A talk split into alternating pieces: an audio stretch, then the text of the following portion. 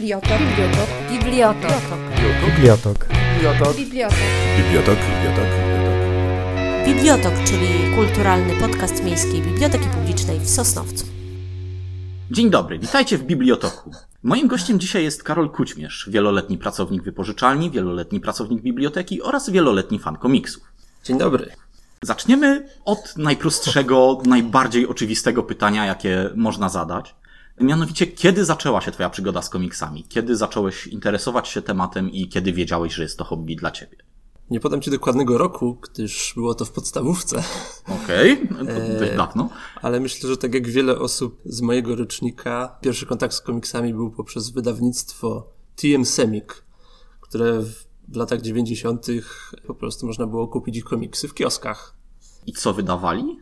Kojarzysz może? Bardzo dużo rzeczy, w sensie i wydawali i Marvela, i DC, czyli kupowałem komiksy o X-Menach, o Spider-Manie, o Batmanie, o Supermanie. W tej chwili nie jestem w stanie sobie przypomnieć, na ile to było w odniesieniu do oryginalnych serii wydawanych w Stanach Zjednoczonych, czy to było kompletne, czy nie, ale na pewno dużo ciekawych wydawnictw się pojawiało wtedy. Przyznaję, że spodziewałem się usłyszeć o Torgalu albo o Kaczorze Donaldzie, y, który też swego czasu był strasznie popularny. Tak, Kaczor Donalda też kupowałem w kioskach razem z komiksami TM Symik. Torgal jakoś mnie ominął, podobnie jak Tytus Romek i Atomek. A Kajko i Kokosz? Też mnie ominął. Okej, ale do Kajko i Kokosza jeszcze wrócimy. Jasne. Natomiast drugie z takich bardzo oczywistych pytań to jest pytanie o to, czy to właściwie są komiksy, czy to są powieści graficzne, czy dla ciebie jest jakaś różnica między tymi dwoma określeniami, czy to jest jedno i to samo. Więc jest to trudne i skomplikowane zagadnienie. Za, Uwielbiam takie. zarówno historycznie, jak i biorąc pod uwagę to, co mówimy o tym sami twórcy komiksów. Więc ja to traktuję czysto użytkowo, to znaczy komiksy to są dla mnie ogólna nazwa powiedzmy sztuki czy medium, a w obrębie komiksów wyróżniłbym serie komiksowe, paski i powieści graficzne. I powieści graficzne określiłbym tak, że to są powiedzmy historie, które mieszczą się w jednym tomie, czy też w jednym, w jednym wydawnictwie i mają początek, środek i zakończenie. Dobra, dobra. Gdzie tutaj plasuje się Sandman w takim wypadku? No właśnie. Y, Anegdota o tym, że, że Gaiman przedstawiał się swojemu wydawcy jako twórca komiksów i, i wydawca poprawił go, że on tworzy powieści graficzne, jest dość znana. Pytanie, czy to nie jest taka próba odejścia od komiksów jako od czegoś, co kojarzy się z rozrywką dla dzieci? Pewnie tak. Myślę, że to było też jedną z głównych motywacji, kiedy to pojęcie się w ogóle pojawiło. Podejrzewam, że nie wyszło to od twórców komiksów, tylko raczej od wydawców, którzy powiedzmy chcieli sprzedać swoje, swoje wydawnictwa dorosłym lub jakiejś takiej bardziej prestiżowej publiczności. Też pewnie chodziło o to, żeby się, żeby to rozważać powiedzmy pod jakieś nagrody literackie, albo żeby po prostu uzyskać coś w rodzaju prestiżu. Więc wydaje mi się, że taka była główna motywacja. No, podobnie jak, nie wiem, twórcy seriali często mówią, że to nie jest serial, tylko film w 10 częściach albo 10-godzinny film. Więc podejrzewam, że tutaj coś, jest to coś podobnego. Dobra, przyjmuję, przyjmuję to wytłumaczenie, a oglądając niektóre rzeczy na Netflixie nawet zgadzam się z tłumaczeniem, że coś jest filmem w 10 odcinkach, ale to się wytnie, albo, albo zostawi jako, e, jako dodatek. Natomiast komiksy zdobyły popularność. Nie do końca wiem, czy taką popularność, jaką fani komiksów chcieliby, żeby zdobyły.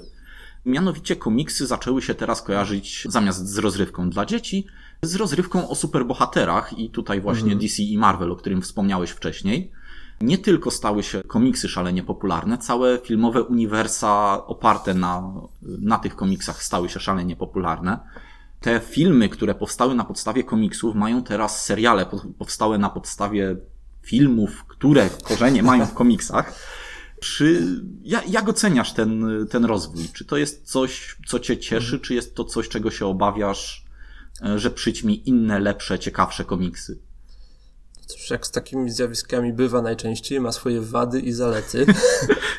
z zalet takich, że filmy superbohaterskie i w zasadzie całe uniwersa, teraz już filmowo-telewizyjno-growe nawet, powstają, popularyzują może nie komiksy jako takie, tylko właśnie superbohaterów, ale z kolei to pozwala, nie wiem czy wydawcom komiksów, ale jeśli coś się staje bardzo, bardzo popularne, to tym samym te, te, ten drugi koniec, bardziej niszowy, ma też większą szansę na, na rozgłos jakiś szerszy, więc o ile te wszystkie filmy w większości, może poza jakimiś wyjątkami, są dość podobne i można powiedzieć, że utworzyły coś w rodzaju własnej estetyki, to myślę, że to ośmiela przynajmniej twórców komiksów, żeby próbować coraz dziwniejszych rzeczy, coraz bardziej ambitnych, które wykraczają poza właśnie stereotypowo rozumianą rozrywkę o superbohaterach. Bardzo podoba mi się ta odpowiedź, bo naprowadzi mnie do kolejnego pytania z gatunku takich, jakie uwielbia się zadawać w internecie. Mhm. Mianowicie pytanie na podstawie listy. Taką listę pięciu komiksów, które mógłbyś przedstawić komuś, kto chciałby zobaczyć, mhm. jak świat komiksowy może wyglądać. Pięć czegoś, co, co warto się zapoznać, żeby wiedzieć, czy to jest coś dla mnie, czy to jest coś, czym warto się interesować. Jasne. E, na szczęście dałeś mi wcześniej pytania, więc się trochę przygotowałem, żeby nie było, że biorę to wszystko z głowy. Taki był cel, nie, nie ukrywam. Żeby... Okej, okay. E, więc wypisałem sobie kilka takich komiksów. Chciałem właśnie e, przedstawić, żeby każdy był z innej bajki, żeby pokazać, jak szeroko to medium po prostu rozwija się w różnych kierunkach i jakie historie można w nim opowiadać. Więc na pierwszy ogień polecałbym komiks polski pod tytułem Będziesz smażyć się w piekle. Jest to komiks autorstwa Krzysztofa Owedyka, lepiej znanego jako Prosiaka. Można powiedzieć, że to jest powieść graficzna, bo cała historia mieści się w jednym tomie. Jest to opowieść o zespole metalowym. Główny bohater jakby zostaje zatrudniony do, do takiego zespołu marzeń. No jakby cała historia pokazuje jego karierę w tym zespole i też jak radzi sobie ze swoim życiem prywatnym. Więc jest to y, moim zdaniem świetny komiks, świetnie narysowany, świetnie opowiedziany. I w zasadzie historia jest dość mocno obyczajowa. Poza tym, że są różne smaczki ze świata metalowego, to po prostu jest taka historia, myślę, interesująca dla, dla odbiorcy, który niekoniecznie e, uznawałby się za fana komiksów albo kogoś, kogo komiksy okay. mogą zainteresować. Czyli bez elementów nadprzyrodzonych, tak, bez, bez żadnych bajkowych. Tak. Po prostu normalna, ciekawa historia. Dobra, prosimy o komiks numer dwa. No tutaj jest taki żelazny klasyk, który też zmienił postrzeganie komiksów e, jako takich i też wiąże się z nim e, właśnie pojęcie powieści graficznej. Chociaż początkowo też ukazywał się w odcinkach. Chodzi mi o Mausa Arta Spiegelmana, czyli komiksową opowieść o Holokauście, opartą na wspomnieniach e, ojca autora komiksu, czyli Art Spiegelman jakby spisał wspomnienia swojego ojca bodajże Włodzimierza Spiegelmana, nadzieję, że nie pomyliłem. Nie ma problemu, bodajże wytniemy. E, w każdym razie jest to taki komiks klasyczny, opowiada o na poważny temat i wykorzystuje właśnie możliwości komiksowego medium, żeby powiedzieć historię. Nie, nie nazwałem tego może reportażem, szczególnie, że autor wykorzystuje powiedzmy postaci zwierząt, żeby o tym opowiedzieć, w pewien sposób dystansować się od tej historii. Chociaż z drugiej strony też to powoduje, że ona jest też mocna przez to. Więc to jest taki żelazny klasyk, który każdy, myślę, powinien przeczytać, nie tylko, nie tylko fan komiksów. Dobra. Na razie dwie bardzo różne rzeczy. Tak. Doskonale, o to mi chodziło. E, z takich bardzo popularnych serii komiksowych tym razem, to na pewno poleciłbym Sagę.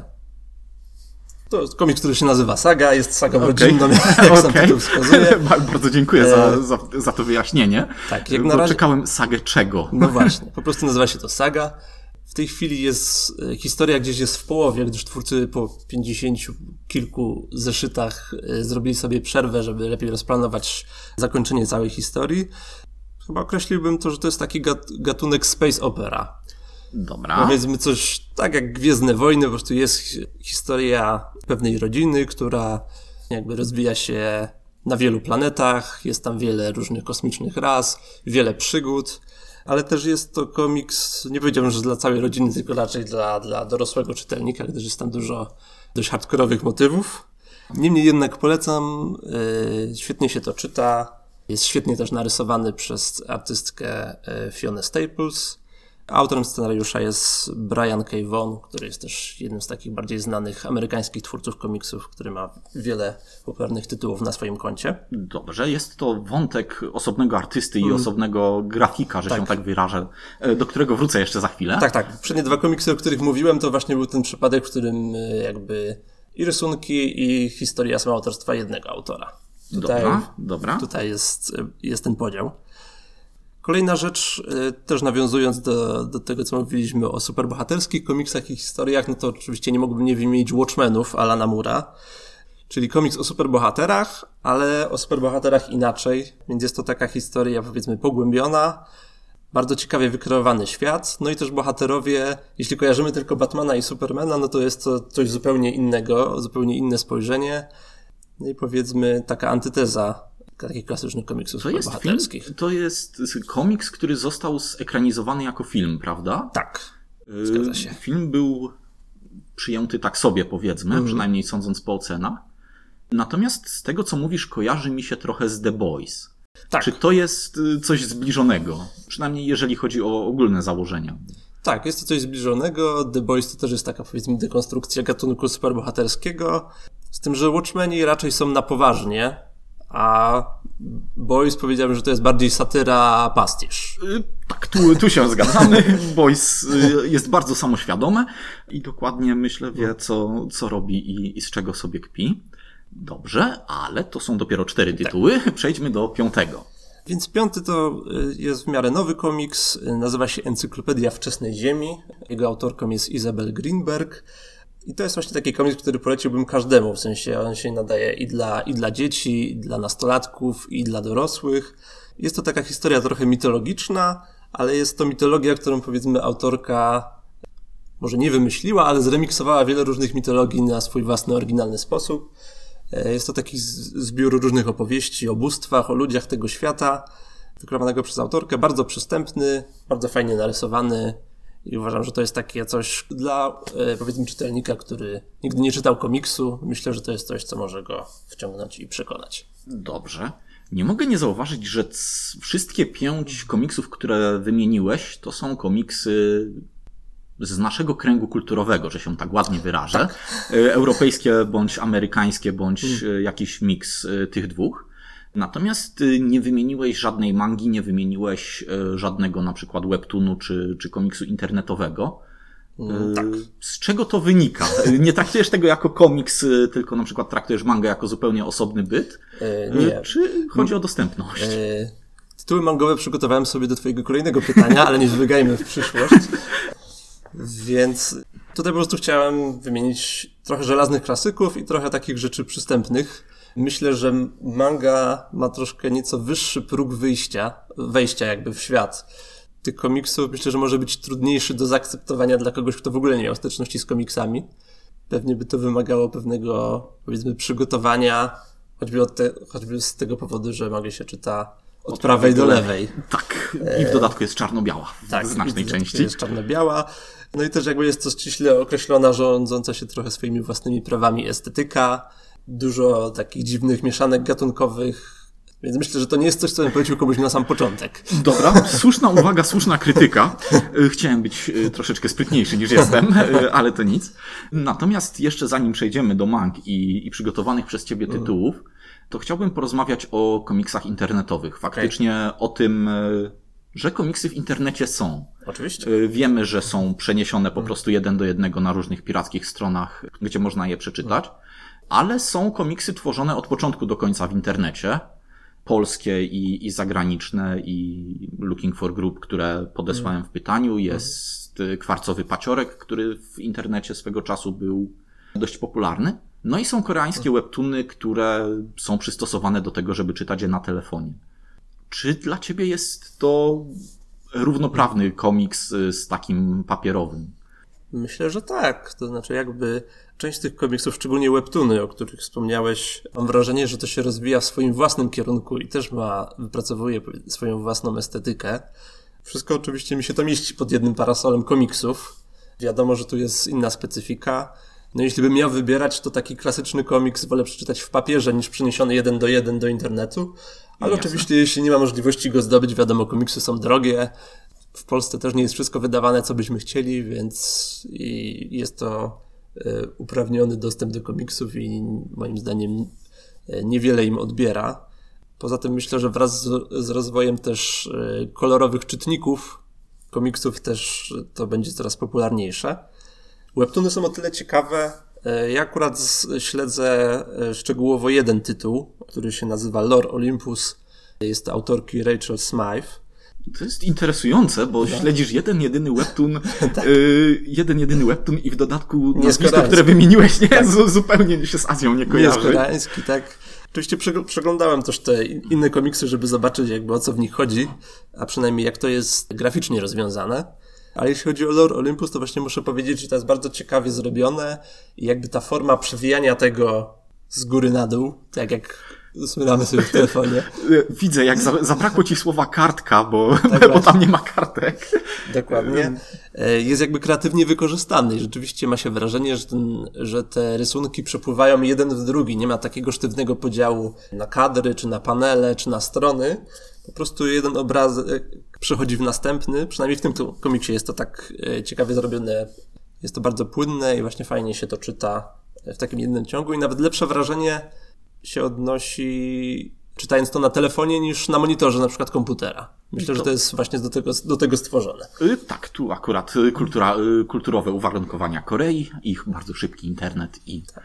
i, i, bardzo dużo tanich telefonów. No, oczywiście też, jest, też są też inne gałęzie komiksu internetowego, które są, które myślę, że ewoluowały, a raczej przeniosły się z, z gazet po prostu do internetu, czyli takie klasyczne paski.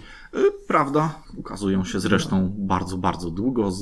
No więc jest, jest też wiele fajnych takich. Ja na przykład y, śledzę czasami taki amerykański portal Denip, w którym są różne krótkie komiksy polityczne, powiedzmy.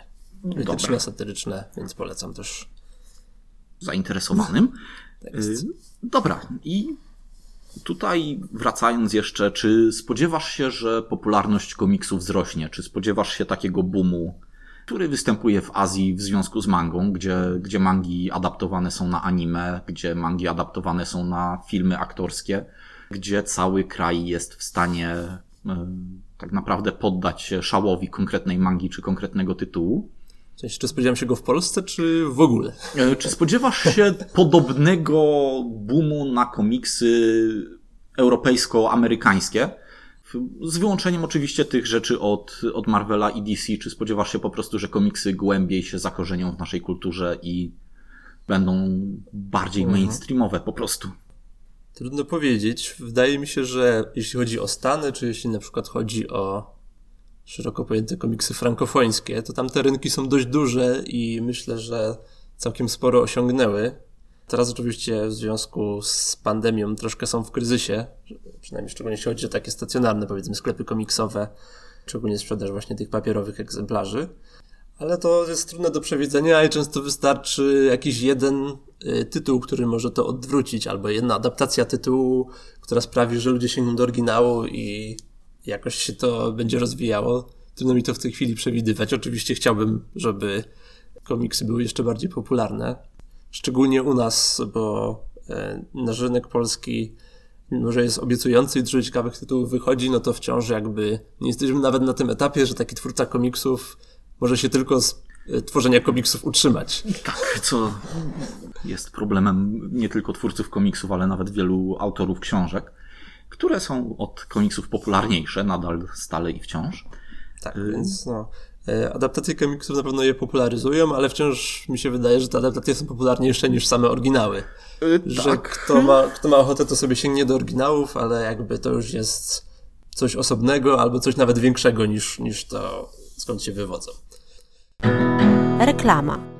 Wszystkich zainteresowanych otrzymywaniem regularnych informacji o ofercie Miejskiej Biblioteki Publicznej w Sosnowcu zachęcamy do zapisania się do newslettera za pośrednictwem strony www.biblioteka.sosnowiec.pl i do śledzenia nas w mediach społecznościowych na Facebooku, YouTubie, Instagramie i Twitterze. Po reklamie. Dobrze. Wracając jednak do do łatwych pytań, które polegają na tym, że ja pytam o listę e, rzeczy, a, a ty odpowiadasz mi listą rzeczy. Okej. E, Jakie pięć komiksów e, wymieniłbyś jako takie, które mają odmienny styl graficzny od siebie nawzajem? Jasne. Więc skoro już zahaczyliśmy o temat mangi, to może od tego zacznę. Tutaj połączyłem sobie dwa tytuły, ale nie musimy się trzymać chyba tej ilości, że jak 5 to 5. Nie, po prostu nie chciałem e, cię przepracowywać w, twoim było nie było wolnym czasie. Zgrupowałem sobie dwie popularne serie. Jedna to jest klasyczna Akira Katsuhiro Otomo, która też ma bardzo znaną i bardzo poważaną w świecie filmu też e, adaptację anime. To prawda? I taką serię, która wychodzi od niedawna w Polsce, Chłopaki z XX wieku Naoki Urasały. Też adaptowana, ale nie z takim sukcesem i jeśli się nie mylę, to na film aktorski chyba. To się rzadko kończy dobrze. Tak jest. W każdym razie są to dwie ciekawe, klasyczne historie. E, Znaczy klasyczne. Jedna z nich jest klasyczna, jedna ma szansę. Tak jest. E, Akira no to jest takie science fiction z telepatami, e, z eksplodującym Tokio, e, z gangami, z cyberpunkiem. I z jest- motocyklami. I z motocyklami, generalnie jest tego typu historia. Chłopaki z XX wieku to jest trochę opowieść obyczajowa, tam jest dużo skakania po, po chronologii wydarzeń, jest dużo retrospekcji, futurospekcji, są tam też elementy wielkich robotów, Dobrze, ale które też są charakterystyczne dla, dla mangi i kultury, kultury japońskiej. tak, myślę, że Gandamy kontra mechy to nie jest rozmowa, którą możemy teraz toczyć. Tak jest, więc e, myślę, że na, na dobry początek, jeśli ktoś chciałby się zapoznać z mangą i zobaczyć, jak, jak japoński styl komiksu wygląda, to, to, to są dobre tytuły na, na początek. Dobra, zgadzam się, mimo że znam tylko jedną z tych pozycji. Ale Akira jest, jest faktycznie klasykiem. E, Z innych ciekawych rzeczy, to chciałem powiedzieć o takim komiksie, trochę ma autotematyczny tytuł Building Comics. Jego autorem jest Amerykanin Chris Ware. Sprezentowałem sobie właśnie takie wydanie. Komiks nie ukazał się w Polsce i nie dziwię się temu, bo jest bardzo trudny do zadaptowania i do wydania. E, Dlaczego? Więc e, pierwsze spotkanie z tym komiksem, więc wygląda on jak pudełko z grą planszową. Okej. Otwierasz sobie takie pudełko z grą planszową i masz tam dużo różnych elementów. Masz, powiedzmy, z dwa klasyczne zeszyty, które wyglądają jak zeszyty komiksowe. Masz e, malutkie takie paseczki z małymi stripami komiksowymi. Okej. okej. Masz, jed, masz jeden wielki format, który wygląda jak taka wielkoformatowa gazeta, którą sobie rozkładasz z Okej. komiksami. Okej. E, Generalnie założenie, a jest też taka wielka plansza, właśnie jak z gry planszowej, na którym jest plan takiego e, domu. I generalnie całe założenie tego komiksu jest takie, że jest tam kilka różnych historii zawartych w tych różnych formach i jakby czytelnik ma sobie to sam poskładać. To znaczy można czytać to w dowolnej kolejności, można wracać e, do tych rzeczy, można właśnie korzystać z tej mapy i na podstawie tego e, próbować odtworzyć tą historię. Generalnie wszystko się skupia właśnie wokół tego domu, który jest na tej mapie. E, Są tam różni mieszkańcy tego domu, też na przestrzeni wielu lat. No i jakby jest to takie powiedzmy troszkę, troszkę komiks, troszkę zadanie dla, dla samego czytelnika. Jest to też ciekawie narysowane, gdyż każdy z tych, z tych części tego komiksu e, jest troszkę w innym stylu. Okej. E, Część z nich jest w ogóle bez, bez dymków. W każdym razie uważam, że to jest coś, coś naprawdę wyjątkowego i coś, co każdy powinien przynajmniej zobaczyć sobie na, na zdjęciach w internecie, jak to wygląda, gdyż to pokazuje naprawdę e, szerokie możliwości komiksu jako takiego. Tak, trochę, trochę mi się kojarzy z Twojego opisu z grą paragrafową. W tym sensie, że tworzymy swoją własną historię. y, Trochę z nowelką wizualną. y, Z tego samego powodu właściwie. Tak, więc tutaj myślę, że Chris Ware wykorzystuje po prostu wszystkie możliwości komiksu w jednym i daje ci to do ręki i robisz z tym sobie co chcesz. Z czystej ciekawości, ile kosztuje taka zabawka y, w oryginale? E, No na pewno, nie pamiętam ile zapłaciłem za to, ale myślę, że około 200 zł. Mniej niż się spodziewałem. tak, tak. Spodziewałem się, że, że będzie droższe. Nie jest to połowa pensji, ale myślę, że to wciąż jest spory wydatek. Kolejny tytuł, który sobie wynotowałem, jest jednocześnie powiedzmy stereotypowy, ale w ramach tego jest niestereotypowy. Więc już mówię o co mi chodzi. Jest to tytuł Hawkeye. Czyli Okej. bohater z Marvela, ten co strzela z łuku. Tak, który ma strzał Żeby 12. Wszyscy, wszyscy wiedzieli. Oczywiście on miał swój, swoich wiele wcieleń komiksowych, wiele różnych serii. Także tutaj nie wnikajmy w to, ale chodzi mi o, o jedną szczególną, której autorstwem scenariusza jest Matt Fraction, a autorem rysunków, którym tutaj szczerze chciałem powiedzieć, jest David Aja, e, Hiszpan. No i mamy tutaj e, trochę klasyczną historię superbohaterską, chociaż też troszkę fli- flirtuje z dekonstrukcją, gdyż jest e, dużo motywów obyczajowych. Po prostu Hawkeye mieszka sobie w jednym, w takim bloku mieszkalnym i zajmuje się głównie problemami właśnie swoich sąsiadów. Nie, nie ma tutaj takiej wielkiej skali superbohaterskiej jak w Avengersach, tylko powiedzmy bardziej lokalnie jest to umiejscowione. Okej, lokalny heros, dobrze. Tak, ale jest też pełno naprawdę świetnego poczucia humoru, ale na to właśnie, na co warto zwrócić uwagę w tym komiksie, to świetne rysunki, szczególnie jeśli chodzi o sceny akcji. Już Tutaj jest ten komiks tak narysowany, trudno to w ogóle opisać słowami, najlepiej sobie zobaczyć, ale w takich scenach akcji jest tak, tak zrobione, jakby na kolejne fazy ruchu. No Wiadomo, komiksy i tak to robią, e, ale można powiedzieć, że tutaj się pojawiają i takie geometryczno-matematyczne konstrukcje. Jest to coś, co będę chciał zobaczyć. Tak, i też bardzo innowacyjne moim zdaniem właśnie wykorzystanie takiego klasycznego panelu komiksowego właśnie, że ileś tam kadrów mieszczących się na stronie i jak te kadry przepływają, łączą się ze sobą. W każdym razie jest to coś trudnego do opisania, trzeba to zobaczyć, ale myślę, że to jest naprawdę świetnie narysowany komiks. Dobrze, więc zadanie znalezienia tego y, zostało wyznaczone. Tak jest. No to mam sobie trochę więcej rzeczy, ale jeszcze... E, Dobrze, ambitnie. Tak, na pewno chciałem powiedzieć jeszcze o, o autorze Jimie Woodringu, który jest autorem takiej postaci, to się nazywa Frank. W Polsce wyszło, wysz, wyszły Podróże Franka. Jest to komiks o tyle warty uwagi, że mamy tutaj do czynienia z komiksem bez dymków. Okej. Czyli jakby musimy z, z samych rysunków e, sobie odtworzyć historię, więc troszkę jest to komiks z jednej strony mniej wymagający od czytelnika, bo bardzo szybko się to przegląda, z drugiej strony więcej, bo trzeba sobie wiele dopowiedzieć. Musi być też sporym wyzwaniem dla kogoś, kto, kto go rysuje, bo więcej tak. trzeba przekazać, nie, Tak, nie tak, można iść na skróty. Też jest bardzo, bardzo ciekawe i bardzo dziwne, bo ten Frank jest taką postacią, na pierwszy rzut oka wygląda powiedzmy jak coś z wczesnego Disneya. O, Jakaś taka postać, trochę goofy, trochę myszka Miki. Komiks jest czarno-biały generalnie. Ale świat, w którym porusza się ten bohater jest bardzo psychodeliczny, bardzo dziwny. Nie wiem, co autor brał rysując ten komiks. I czy nadal bierze? Tak, w każdym razie wiem, że na pewno się interesuje różnymi filozofiami wschodu. Pojawiają się tam wszelkiego rodzaju mandale, dziwne wymiary. Ten bohater też y, w swoich przygodach, które są trochę zabawne, trochę straszne, trochę niepokojące, też jego ciało się zmienia, y, są tam różne przeobrażenia. Też myślę coś, coś wartego uwagi. Dobra. Czy masz coś jeszcze? Bo to, to było E, pięć tytułów, jeżeli się nie pomyliłem w liczeniu. Tak.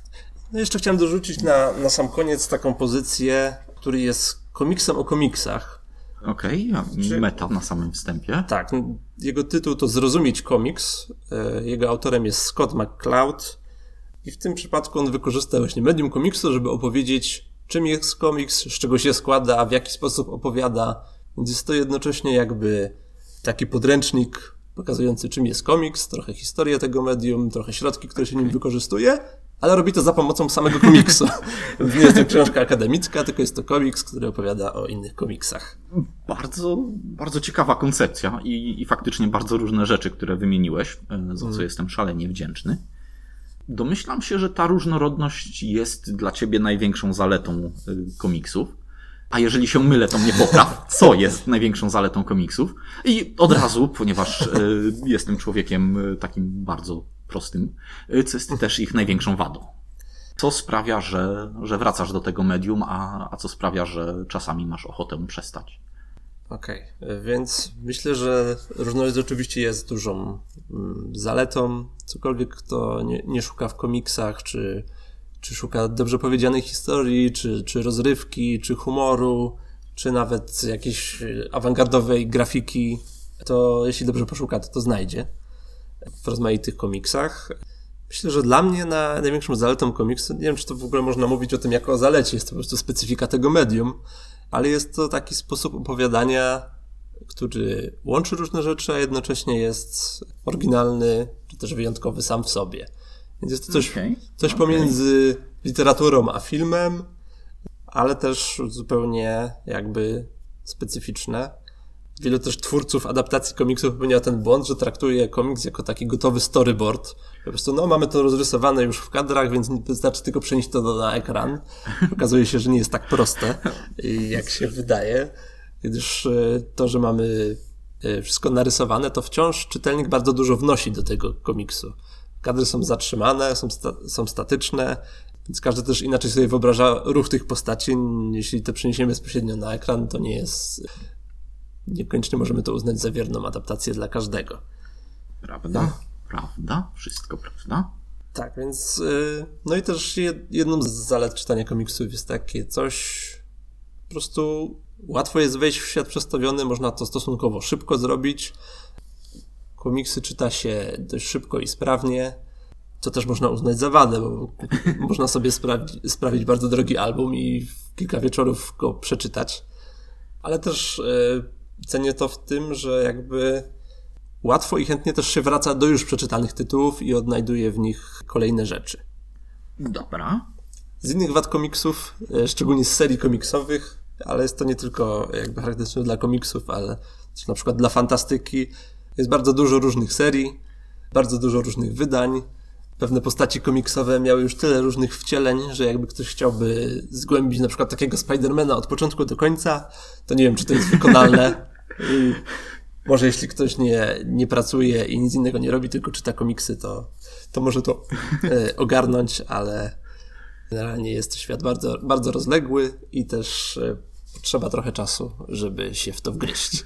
Tego nie było widać w audio, bo, bo jest audio, natomiast y, kiwałem głową y, ze straszliwym zrozumieniem. I wracając do tego, że, że jest dużo serii, jak często komiksy się ukazują, takie, które faktycznie wychodzą seriami? Czy jest jakaś reguła, czy, czy wychodzą, kiedy autor stwierdzi, że teraz czas coś wydać? Nie jestem pewien, jak to jest z mangą, ale najlepiej wiem, jak to wygląda w komiksie amerykańskim. Więc takim klasycznym, w zasadzie takie klasyczne zeszytówki, czyli komiksy, y, które się pojawiają w, w częściach, wychodzą po prostu co tydzień. Co się mniej więcej zgadza z mangą? Tak. I generalnie środa jest takim dniem nowych komiksów najczęściej. Okej. Wtedy się pojawiają te i wydania cyfrowe, i, i, i wydania zesz- zeszytowe.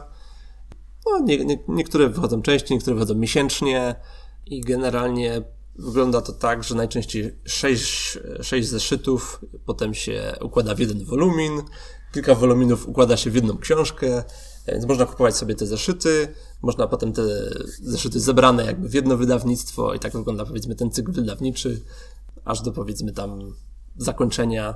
To już różnie bywa, nie, niektóre rzeczy się kończą powiedzmy na, na 60 zeszytach i potem się to wydaje w dwóch ogromnych tomach. No. Też można. Reklama. Szeroki wybór komiksów i powieści graficznych dla dzieci, młodzieży i dorosłych oferuje Zagłębiowska Mediateka. Zapraszamy do zapoznania się z twórczością polskich i zagranicznych mistrzów snucia opowieści obrazem. Po reklamie. A co z was samymi fanami komiksów? Y, Manga, anime, fantastyka, wszystko mają swoje konwenty. Komiksy mają komik-kony. Y, Czy byłeś na, na jakimś konwencie miłośników komiksów? Czy, czy planujesz być? Mm, No ja niestety nie byłem, ale na pewno chciałbym kiedyś się na takie coś wybrać. Wiem nawet, że mam jedną z takich imprez w Polsce, która zyskuje coraz większą popularność. Nazywa Co się, i gdzie? nazywa się to Rumia Comic Con. E, Organizuje to biblioteka w Rumi, która się chyba nazywa Stacja Kultura. To też jest bardzo ciekawe miejsce, bo to jest zaadaptowany dworzec e, kolejowy na bibliotekę. Brzmi faktycznie ciekawie. No i oni właśnie robią coś, co się wpisuje w ten, w ten sze- szeroki nurt wydarzeń komiksowych. Nazwali to sobie Comic Con, tak jak się te wielkie imprezy w San Diego czy, czy w innych miastach Stanów Zjednoczonych, które się odbywają. Z tego, co widziałem w ich ofercie, jest to bardzo ciekawe i też bardzo duże wydarzenie, więc na pewno warto, warto o nim wiedzieć. Innymi słowy, będziesz tam po pandemii. Mam- Jeżeli ona się kiedyś skończy. Tak, to mam nadzieję, że, że kiedyś się to uda i że też. e, Mamy też inne wydarzenia. Jest też chyba jakiś festiwal komiksowy w Warszawie. Nie wiem, czy to się nazywa Komiksowa Warszawa, czy jakaś inna nazwa. W każdym razie są, są różne wydarzenia dla fanów komiksów. Jeśli tylko poszukamy, to znajdziemy coś nawet w Polsce. Dobrze, doskonale. A skoro o Polsce mowa, to jak y, Polska na komiksowej mapie świata y, wygląda? Czy w ogóle istniejemy i, i nas widać, czy, czy zupełnie nie ma to większego przebicia? E, Myślę, że coraz bardziej nas widać. Może nie jesteśmy właśnie takim dużym rynkiem jak amerykański, frankofoński czy japoński, bo to są takie największe. No ale oczywiście komiksy u nas powstają, bardzo dobre komiksy powstają. Podejrzewam, że część z nich pewnie wychodzi także poza granice tego kraju. Wiem, że część z naszych rysowników też e, jakby załapuje się na, na fuchy w amerykańskim komiksie. Wiem, że, że rysują i komiksy superbohaterskie i jakieś inne takie właśnie serie komiksowe w Stanach Zjednoczonych, więc e, rynek jest e, rozwijający się. Mamy kilka wydawnictw istotnych, mamy takie duże wydawnictwo jak Egmont, mamy też Timofa, mamy Kulturę Gniewu, mamy Nonstop Comics, które wydaje komiksy z takiego wydawnictwa amerykańskiego Image, które też jest, też jest ciekawe, bo ono ma taki swój ciekawy model biznesowy, który właśnie polega na tym, że jakby twórcy mogą w ramach tego wydawnictwa wydać swoje takie bardziej niszowe pomysły. Okej. I oni udostępniają jakby infra, infrastrukturę. Twórcy też muszą w, y, w to jakby włożyć trochę swoich własnych finansów, ale często im się to bardzo opłaca. Między innymi saga, o której wspominałem, która okazała się wielkim hitem właśnie z, z tego wydawnictwa. I Non-Stop Comics y, w dużej mierze właśnie wydaje. y, Czyli taki troszkę self-publishing, troszkę, tak. troszkę eksperyment. Tak, dokładnie. Zostało nam czasu na jeszcze kilka pytań. Jedno z tych, których y, nie dostałeś wcześniej, No. ale które wydaje mi się, że, że będzie dość proste. Już któryś raz w trakcie rozmowy wspominasz o tym, że rysownik jest kimś niezależnym od autora. Czy to jest y, mm, standard w komiksach? Czy to jest coś, na co, na co zwracasz uwagę? Y, Czy zdarza ci się kupić albo zainteresować komiksem dlatego, że znasz na przykład tylko y, grafika, tylko rysownika, a, a nie słyszałeś na przykład o, o scenarzyście i, i na odwrót? To znaczy tak. Ta sytuacja się zdarza dość często. Szczególnie mi się wydaje na rynku amerykańskim, który jest taki bardziej skomercjalizowany i bardziej jest to korporacyjne, powiedzmy, więc na przykład takie komiksy superbohaterskie rzadko się zdarza, że był jeden rysownik i jeden scenarzysta. Najczęściej są to, e, jest to podzielone. E, Szczególnie, że taki, scenarzysta komiksowy amerykański często prowadzi bardzo wiele tytułów równo, równolegle. Okej. Więc on sobie stworzy scenariusze y, różnych swoich serii i wysyła je do in... i każda ma innego rysownika. Więc tak to często wygląda. Prawidłowość generalnie jest taka, że w takich komiksach właśnie, y, które umieścilibyśmy tutaj pod sztandarem powieści graficznej, czy też takiego właśnie komiksu artystycznego, komiksu autorskiego, no to częściej to bywa, że właśnie jest y, jeden autor, który jest jednocześnie scenarzystą i rysownikiem, ale też zdarzają się bardzo ciekawe kolaboracje i też na tym polu właśnie powieści graficznej, że jest scenarzysta, jest y, inny rysownik. Y, No na przykład Alan Moore, który jest bardzo znanym i, i, i ważnym twórcą komiksów, y, nie rysuje, po prostu jest tylko twórcą scenariuszy. Współpracował z wieloma, z wieloma rysownikami, a mimo to jest uznawane jako takie właśnie guru, guru świata komiksu. Mi jako odbiorcy zw- zwracam uwagę, i, i, kto pisze komiksy i kto je rysuje. Częściej mi się zdarza, wbrew pozorom, pójść za scenarzystą niż za rysownikiem. E, Jasne. w sensie, jak wiem, że ktoś jest e, dobrym scenarzystą, to i mam sprawdzone jakieś jego inne tytuły, no to na- najczęściej sięgnę po jego kolejny komiks, nawet jeśli nie znam rysownika. Dobrze. To była bardzo mądra i ciekawa wypowiedź. Postanowiłem z niej wyciągnąć tylko tyle, że można zostać cenionym twórcą komiksów, nie umiejąc rysować. O, zgadza się. jako, jako element humorystyczny. Netflix kręci obecnie ekranizację Sandmana. I czy myślisz, że to się uda? Z jednej strony y, filmy Marvela, ogromny sukces. Ekranizacja gry o Tron od HBO jako, jako książki też ogromny sukces. Z drugiej strony Umbrella Academy jako adaptacja komiksu, sukces umiarkowany. Chociaż dla, dla Netflixa chyba duży sukces. Może mniej sukces artystyczny, ale jeśli chodzi o oglądalność, to chyba jest to jeden z ich hitów. Tak, doczekało się zresztą trzeciego sezonu, co, co nie jest na Netflixie oczywiste. a sądząc po obsadzie, którą do Sandmana chcą zaprzągnąć, y, to faktycznie chcą dużo, dużo y, większego wpływu. Y, Między innymi będzie tam Charles Dance, który zasłynął rolą Tywina Lannistera. Czy myślisz, że im się uda? Czy jest to coś, co, w co wystarczy wrzucić więcej pieniędzy, żeby miało Hmm. sens? Czy trzeba szukać jakichś y, filmowo-komiksowych specjalistów, żeby No to właśnie. miało szansę? No, jeśli chodzi o adaptacje komiksowe, to jak ze wszystkimi adaptacjami, różnie bywa. E, biorąc pod uwagę dotychczasowe osiągnięcia Netflixa, to nie miałbym jakichś wielkich nadziei, że to będzie wspaniałe dzieło. Umbrella Academy było całkiem znośną adaptacją, dobrze się to oglądało, ale nie jest to jakieś arcydzieło. Netflix ma też na koncie adaptację takiego komiksu Lock and Key, autorstwa, tutaj scenariusz Joe Hill, czyli syn Stephena Kinga. Też poziom tego serialu jest powiedzmy średni.